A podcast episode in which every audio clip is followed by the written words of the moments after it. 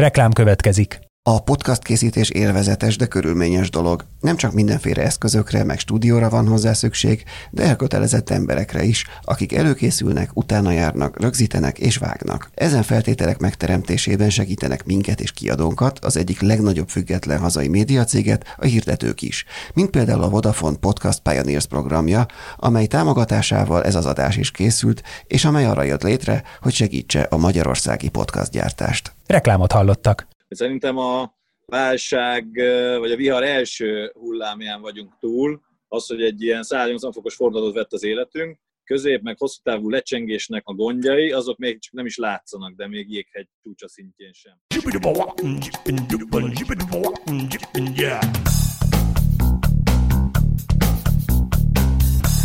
Üdvözlöm a hallgatókat, ez itt a 24.hu filéző podcastja. Én Inkei Bence vagyok, és János Villővel szoktunk ide a vendéglátóipar vagy gasztronómia hazai szereplőit meghívni. Ma Csanda Eszter és Rusánszki Ádám vannak itt a Zing hamburgerlánc alapítói. Sziasztok! Hello! Sziasztok! Sziasztok! Velük távkapcsolatban fogunk, tehát nem élőben beszélgetünk, hanem, hanem a technika segítségével az ország négy különböző posztjá, pontján vagyunk, de próbálunk így négyesben beszélgetni. Pontosan a ti, a Zinget hogyan érinti jelenleg ez a, ez a helyzet, amit most kialakult a járvány miatt, hogyan tudtok működni, és, és mit jelent ez a franchise-ra nézve pontosan? mi hasonlóképpen, mint sok ebben az ágazatban dolgozó versenytársunk, illetve jó ismerőseink, házhozszállításra voltunk kénytelenek átállni, tehát viszonylag gyorsan reagálva, mert már azért előtte többször megkerestek minket, hogy főleg a voltól voltak már beszélgetések, hogy álljunk át, a, vagy próbáljuk ki a házhozszállítást, de akkor még azért így nem volt bennünk ez a kényszer, úgymond, vagy nem is volt, nem, nem ezzel foglalkoztunk, voltak mindig fontosabb kérdések az életünkben, aztán itt ez most gyakorlatilag felgyorsította ezt a döntést, és amikor szerintem talán akkor, ami még már nem tudom, Ádám, erre te fogsz emlékezni, de hogy már volt-e ez a háromkor be kell zárni, vagy még nem erre pontosan nem emlékszem, de hogy gyakorlatilag két nap múlva már ott voltunk a Volton, és, és elindítottuk az éttermekből a házhoz szállítást, hiszen másra már nagyon nem volt lehetőség, tehát más megoldás nem volt, hogy fent tudjunk maradni. Mi volt tulajdonképpen az oka, hogy nem akartatok házhoz szállítani, hogy, hogy ez a, a hamburger végül is azért pár üzlet, abszolút elérhető pár üzletben, de, de nálatok ez, ez nem volt kilátásban sem, hogy gyakorlatilag itt a minőség miatt nem akartok ebbe belevágni, vagy teljesen más oka volt? Sőt, többször mondtunk is nemet ilyen megkeresésekre, mert hogy az volt a, az első kiindulási alap, hogy mi nem akartunk futárokkal még egy feladatot magunkra venni, és amikor jöttek az új státuszú kiszállítók, tehát akik már a futár szolgáltatást is adják hozzá, akkor is az volt a kérdés, hogy mennyiben tudjuk garantálni azt, hogy ő úgy fog a futár, vagy az ő futárja az úgy fog viselkedni ezzel az étellel, ahogy mi azt szeretnénk, hogy, hogy viselkedjen vele. Mennyire tudjuk azt garantálni, hogy ha három címet vesz föl, akkor időbe kiviszi, és hát a leges, legfontosabb talán az, hogy mondjuk még a hamburgernek a minőségét meg is lehet őrizni, de van egy-két köret, aminek viszont nehezebb, például a hasábburgonya, és ezen pont most dolgozunk, hogy ha már ide sodort az élet, hogy ezt be kellett vezessük, akkor egy olyan hasábburgonyával rukkoljunk elő, ami még a 20 perces kiszállítás után is ropogós marad, és nem egy szottya krumplit fog megkapni a vendég. És eddig mi a tapasztalat? A vendégek részéről, hogy, hogy ez úgy, úgy bejött? Szerintem most különleges idők azért törvényt bontanak, tehát igazából most mindenki elfogadja azt, és ahhoz képest kell versenyeznünk, ami, ami, amiben mindenki versenyez. Úgyhogy az a azt látjuk, hogy persze akik zing fenek és zing rajongók voltak, azok szeretik és élvezik, hogy otthon is kaphatnak zing hamburgert. Reméljük, hogy, hogy ezzel tudjuk még szélesíteni a táborunkat. Most azt mondom egyelőre, hogy 85%-osan bejött a dolog, tehát nincsen akkora nagy arcvesztés a kiszállítás minőségét követ, minőség következtében, hogy ez veszélyeztesse a, a brandet, vagy a későbbi üzletmenetet. És ez mit jelent a személyekre nézve? Tehát mekkora a kapat, tehát a, meg, hány százaléka dolgozik a, a, az étterem személyzetnek, akik, azok közül, akik békeidőben is szoktak? Hát úgy kellett kezdeni március 15-én, hogy 16-án hogy a, a beugrósokat és a tanulókat, azok őtőlük meg kellett váljunk, vagy legalábbis szüneteltetni kellett a, a, a, egyelőre a beugrós melót, és akkor utána fokozatosan jöttek a további leépítések, és most az a helyzet, hogy, hogy egy barbatrükknek köszönhetően most már újra vannak, akiket vissza tudtunk hívni munkába. De olyan fele, harm, hát fele és harmaduk között dolgozhatnak újra a srácok, tehát hogy nagyjából így tudtuk megőrizni az étteremben dolgozóinkat. Ne, nem, azért ne, én, én nem gondolnám, hogy, a, hogy kevesebb, mint 50%-kal megyünk most. Szerintem de. Hmm. Most én, én legalábbis az utóbbi két hétben azt néztem, hogy de, de hát most nem tudok pontos százalékot, lehet, hogy 55 százalék, de azért... 60 százalékkal megyünk már. Lehet, hogy munkaórában sokkal kevesebb, de ember, emberre bontva nagyjából már így ma felénél járunk, igen.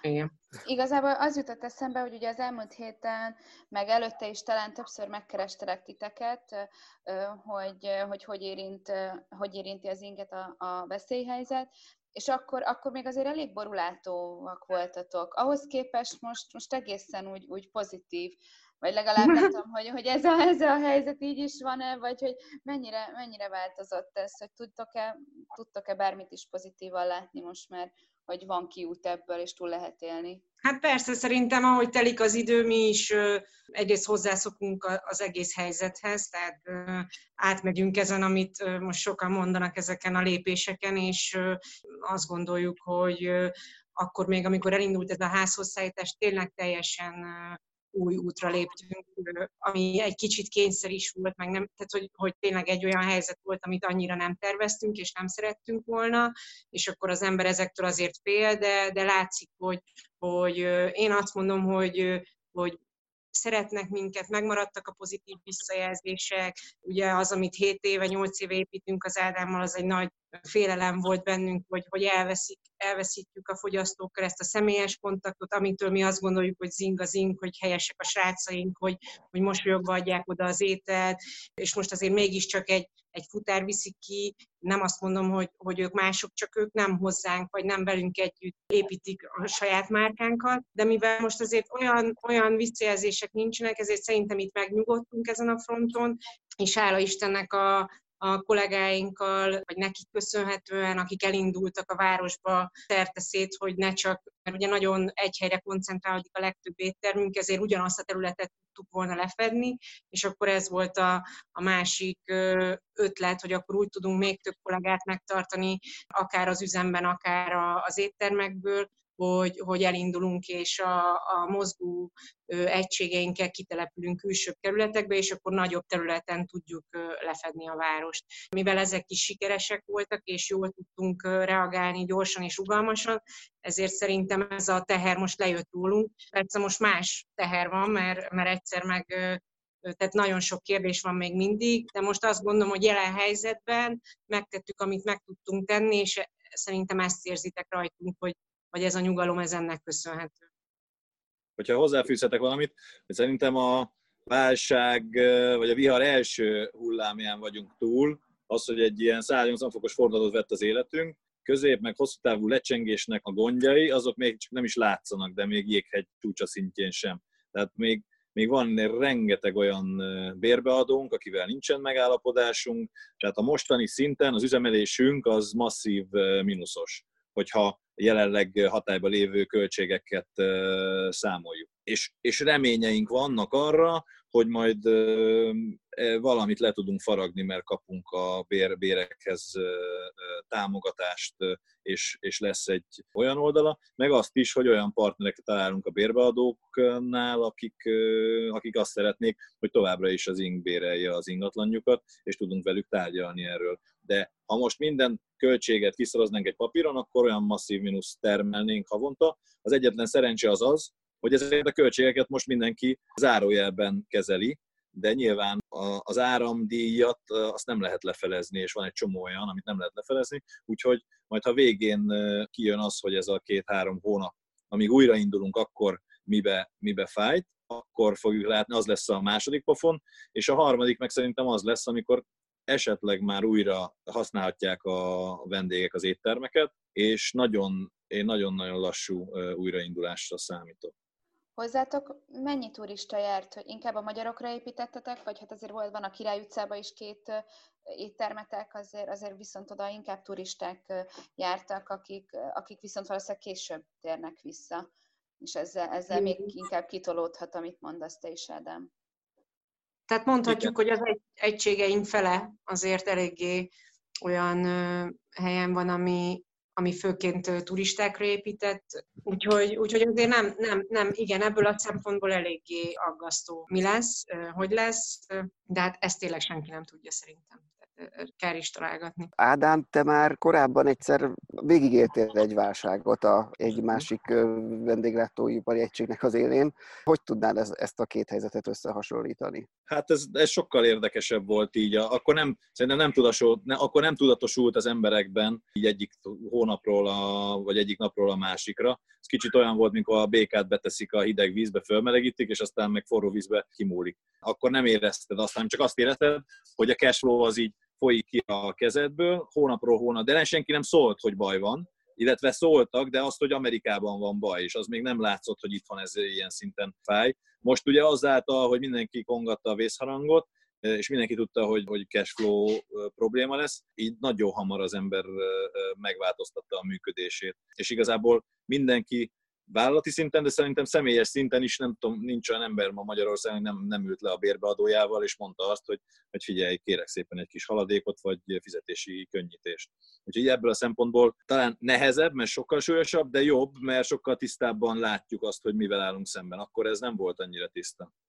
De ennyire számítottatok rá, hogy tényleg egyik napról a másikra tűnnek el a, a vevők, és vagy be kell zárnatok, és át kell állnatok a, a házhoz szállításra? Nem, nem volt ez egy hideg zuhany? Vagy rosszabb, mint amire először, először gondoltatok? Hát ezt szerintem mi ketten más léptékben értünk el erre a szintre, és én az Ádámot előző, vagy egy héttel az e- balhé előtt, amikor már alaszoknál azért nagyon súlyos volt, akkor leültettem, hogy figyelj, Léci, tehát most ülj már át az én lovamra, mert az enyém már nagyon beteg. A, az Ádám még nem, nem egy beteg lovon ült, hanem egy szárnyas lovon ment a fellegekbe, és aztán hála Istennek akkor azért ott egy egy lóra tudtunk ülni, és tényleg meg tudtuk beszélni, hogy ha, az lesz, ami, ami ott, és nyilvánvaló volt, hogy az lesz, akkor milyen lépéseket kell megtenni, és csináltunk össze, és írtunk egy három szenáriót, és leírtuk, hogy lépésről lépésre miket fogunk bevezetni, és ezért már, amikor ezt be kellett vezetni, már ott volt. Nem azt mondom, hogy minden, mert persze kellett rögtönözni, meg volt azért dolgok, amikre nem gondoltunk, de, de akkor már azt gondolom, hogy egy fél lépéssel mindig előbbre tudtunk járni, és ez, ez, ez legalább egy jó érzés volt, hogy, hogy nem sodródunk, megkapkodunk, hanem tudtuk, melyik lépés után mi következik. Azt itt kívülről azért nekünk elég, elég nehéz megítélni, hogy mondjuk egy franchise az nehezebb helyzetben van-e ilyenkor, mint mondjuk egy, egy kis apró, vagy, vagy egy, egy vendéglátóhely, vagy nem tudom, hogy, hogy ez, ez, ez ilyenkor probléma, vagy, vagy hogy legalább több helyről tudtok szállítani? Hát bizonyos szempontból, szóval az, én a milyenket azt tudom, hogy, hogy nem tudjuk azt csinálni, mint egy családi vállalkozás mondjuk, vagy egy, egy étterem, hogy bezárunk, és, és mindenkinek adunk egy otthon maradási, vagy nem tudom milyen, vagy fizetés nélküli szabadság, és akkor éljük túl ezt a három hónapot, és akkor kicsibe visszaindulunk. Tehát nálunk azért ez nem, nem volt opció, és, és igen, az imnél azért van egy, van egy, egy marketing csapat, van egy, van egy irodai csapat, saját könyvelés, tehát olyan plusz költségek, ami, ami egyszerűen most nem lehet így lestoppolni, hogy, hogy akkor tényleg bezárjuk az éttermeket, és akkor mindenki hazamegy, aztán megpróbálunk meghúzni magunkat, az a 10 fő, 15 fő, úgyhogy ebből a szempontból szerintem azért nehezebb. Több emberről kell gondoskodni, ott van a, az üzem. Azt, azt, hogy a saját boltjaink, illetve most a mi saját hálózatunk, vagy egy, a franchise partnerinknek nehezebb, vagy nekünk, az azt gondolom, hogy ilyen szempontból mindegy. Tehát, hogy hogy az, az ugyanaz. De, de ebből a szempontból, hogy több voltunk van, több ember, tényleg head office, stb., úgy, úgy már azért nehezebben tudod bezárni teljesen és elmenni haza. De nagyon jó volt látni a, tényleg, amit mindenki mond, és ezt e, ilyen mikroszinten is azt az összefogást, ami teljesen mindegy, hogy melyik részét érintette a cégnek. Mindenki abszolút kooperatív volt, úgy a franchise partnerekkel, mint a közép-felső vezetők, de a staff is, tehát mindenki értette, hogy baj van, probléma van, és egyből elkezdett kooperatívan hozzáállni, és, és úgy, hogy hogyan oldjuk meg. Úgyhogy ebből a szempontból meg egy nagyon jó közösségérzetet, közösségérzést és csapat összekovácsoló érzete volt a dolognak.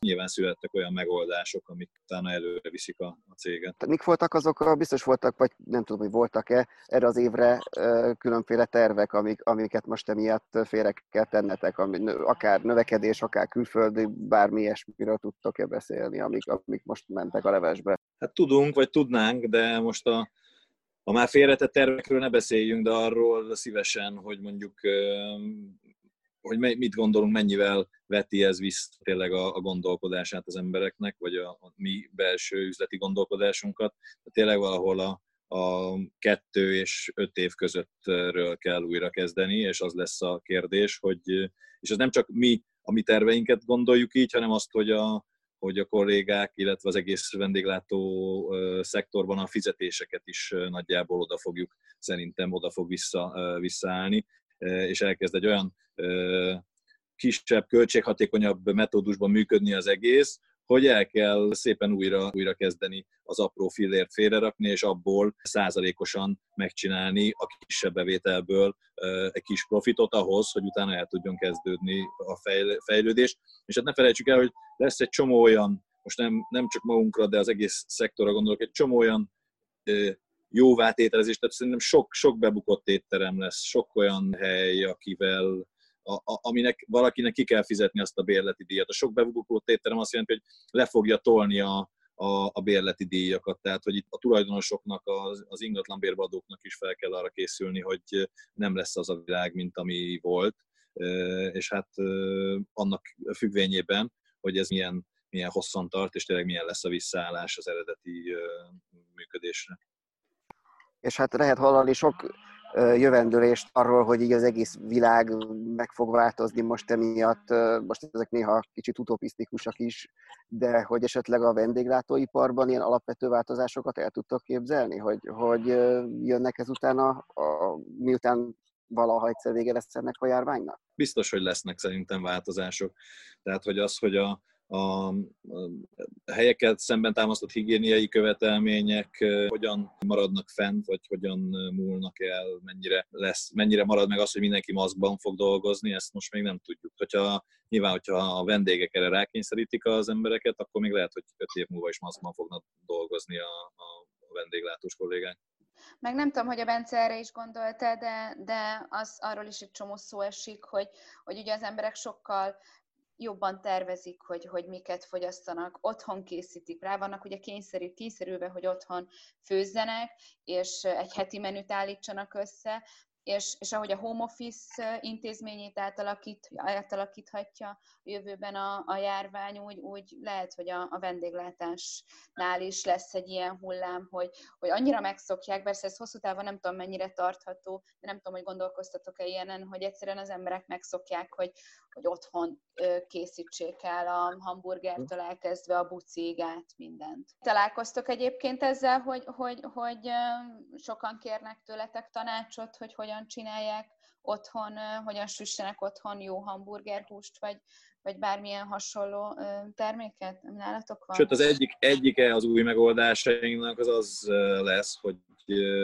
remélhetőleg hamarosan el fogunk indítani egy olyan vonalat, amivel grill szetteket tudtok hazavinni, és ezt már jó két éve tologatjuk magunk előtt, illetve grill szettet fogunk tudni házhoz szállítani, és ez még az is előfordulhat, hogy készítünk ilyen videókat is, hogy hogyan készítsd el otthon a remek jó hamburgeret. Úgyhogy vannak ilyenek a fejünkben, ez, ez valós kihívás, hogy az emberek, illetve ez egy nagyon jó dolog, hogy sok ember, szerintem sok olyan fiatal, aki eddig hozzá volt szokva, hogy mindent megvesz, és ezért nem is volt annyira tudatos a táplálkozásban, most elkezd tudatosan táplálkozni. Itt most arra kell nekünk odafigyelni, hogy, hogy ezen a területen is tudjunk olyat nyújtani, ezért fogjuk elindítani ezt, hogy hamburgerhús, de nem csak hamburgerhús, hanem más egyéb olyan lekövethető tartásból származó húsokat is készítő, vagy házhoz webshopot tervezünk elindítani. Én még pont ezt akartam kérdezni tőletek, hogy arról például fogalmam sincs, bár azt tudom, hogy a, hogy a húsnál talán így van, hogy mennyi, mennyi alapanyagot rendeltek itthonról, és mi az, ami mondjuk akár veszélybe kerülhet, hogy külföldről kell behozni, vagy egyáltalán nincs ilyen problémátok, hogy hogy oldjátok meg? A teljes eladott áruhoz képest nem, de viszont nem itthoni forgalmazókon keresztül veszünk sok mindent, ezért sok kamionunk érkezik, hasábburgonya, mint csedár, sajt és egy-két, egy-két más termék. A, nyilván a húst, a zsömlét, a saját munkunk készítjük a, a, a húst is, tehát ezek mind magyar alapanyagból készülnek. Amit tudunk, a, a mészt azt egy bio méhészetből, Csobánkáról, Burgyán Attila méhészetétől veszük, tehát hogy amiket tudunk, azt próbáljuk lokálisan mhm. beszerezni. Amiket tudunk, de vannak olyanok, amiben nem nincsen versenyképes magyar termék, és azokat külföldről hozzuk. Van egy nagyon ügyes beszerző kollégánk, Kosváth Zoli, aki ezeket eddig le tudta kezelni, és mivel nincsenek olyan határzárak még, aminek kereskedelmet is megállítja, ezért úgy néz ki, hogy eddig nem kellett semmilyen olyan terméket kivezessünk, ami az étlapunkon volt. Beszéltetek arról, hogy, hogy készítettetek különböző kalkulációkat. Vannak-e különféle szenáriók, hogyha mondjuk ez még egy hónapig tart a, ez, a, ez a kiárási korlátozások, akkor mi az, hogyha két hónapig, három hónapig, vagy ilyesmivel nem foglalkoztok egyelőre? Inkább itt arról van szó, hogy most ugye látjuk, hogy hogy tudunk üzemelni, a, hogy elindult a házhoz szállítás mondjuk két hete. Ez most abban megnyugtató, hogy munkahelyeket tudtunk megtartani. Tehát ezt az Ádám ugye mondta az elején, hogy hogy másban nem igazán, de abban megnyugtató. És akkor most azért én készítem folyamatosan a, a számokat ahhoz, hogy mondjuk azokat a döntéseket meg tudjuk hozni, hogy mikor kell mondjuk bezárni egy egységet, és azt mondani, hogy már, már a házhoz szállítással sem éri meg, még ilyen csökkentett üzemmódban sem üzemeltetni, vagy összevonások, tehát hogy ezeket kell most, ezeket a döntéseket meghozni. Nekem most, illetve még erről nem beszéltünk, hogy mi van, ha kettő vagy három hónapig tart, ha a házhoz szállításra így tudunk menni, akkor, akkor ez úgyis utána az elindulásnál lesz nagy kérdés a, a bérbeadókkal a tárgyalásuk, és hogy azt hogy tudjuk majd finanszírozni. Én azt gondolom, hogy, hogy egy hónapnyi lezárás az egy évet fog minket visszarepíteni az időben, úgyhogy azért jó lenne, ha, ha minél előbb vissza tudna állni. Persze nem tudom, hogy hogy tud ez normálisan visszaállni, szóval rengeteg kérdés kavarog ezzel kapcsolatban a fejembe, de nem nekem, és nálam sokkal okosabbaknak is, úgyhogy ami tervet készítettünk, az nagyjából azt feltételezi, hogy egy és három hónap közötti időtartani kell ebben a vészhelyzetben működni, és akkor erre még rá kell húzni a 21-et, hogy utána egy nagyon nagy lökést kell adni, hogy, hogy el is tudjunk indulni, és az utána a következő időszakban úgyhogy elindultunk, és a fix költségeink azok szinte a régi szinten lesznek, de attól tartunk, hogy a bevételeink pedig nem lesznek 60-70 százaléknál magasabbak a régi színnél. Hogyha ennek vége, akkor befejeződik mondjuk a házhoz szállítás nálatok, vagy, vagy ezzel, ezzel azért még vannak terveitek? Meg fogjuk várni, hogy milyen, hogyan cseng le egyrészt, hogyha az emberek újra használhatják az utcán és lévő éttermeket, és újra kijárhatnak, akkor mekkora lesz a visszaesés. Mit tudunk, mit többletszolgáltatást nyújtani azzal, hogy házhoz szállítunk, és hogy milyen olyan partnert találunk, mert most ez egy nyilván kölcsönösen egymásra utaltság és kényszerhelyzet, és aztán lesznek szerintem egy olyan beszélgetések ezekkel a szolgáltatókkal, hogy mit tudunk mi egymásnak nyújtani azért, hogy tényleg mindenki, mindenki elégedett legyen, és olyan partner találjon. Még azt, az jutott eszembe, hogy Nyilván most azért az ország nagy része, vagy hát aki tud, az home office-ban dolgozik, de pont a vendéglátás azért, azért nem, egy ilyen, nem egy ilyen terület, hogyha túl tudnak élni a, a helyek, hogy ti mennyit jártok be a, a, az ingbe, vagy hogy ez, ez, ezt mennyire tudjátok ti itt tulajdonosként otthonról végezni, és ti egyáltalán hogy viselitek mondjuk az elmúlt pár, egy hónap, majdnem már egy hónapot? Most már ilyen bejárás az irodába az heti egy fix van, egy fix napon akkor találkozunk a vezetőinkkel, személyesen beszélgetünk. Én az Ádámmal naponta öt kötőjel hatszor beszélünk, tehát azért ott az elég aktív a telefonos kapcsolat.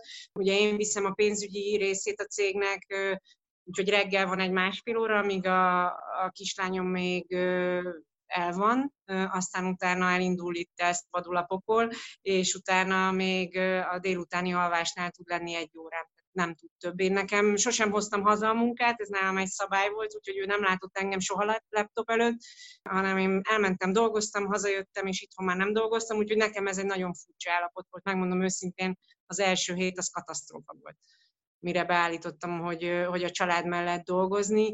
Szóval ez azt gondolom, hogy tényleg nekem csak egy gyerekem van, de akinek több, az, az tényleg le a kalappal a nők előtt most, akik ezt háztartásba, gyerekek, most nem a férfiak érdemét akarom elvenni, csak azért egy anya az anya, és anya gyere, és csináld, és izé, és mellette a munka azért nem egyszerű.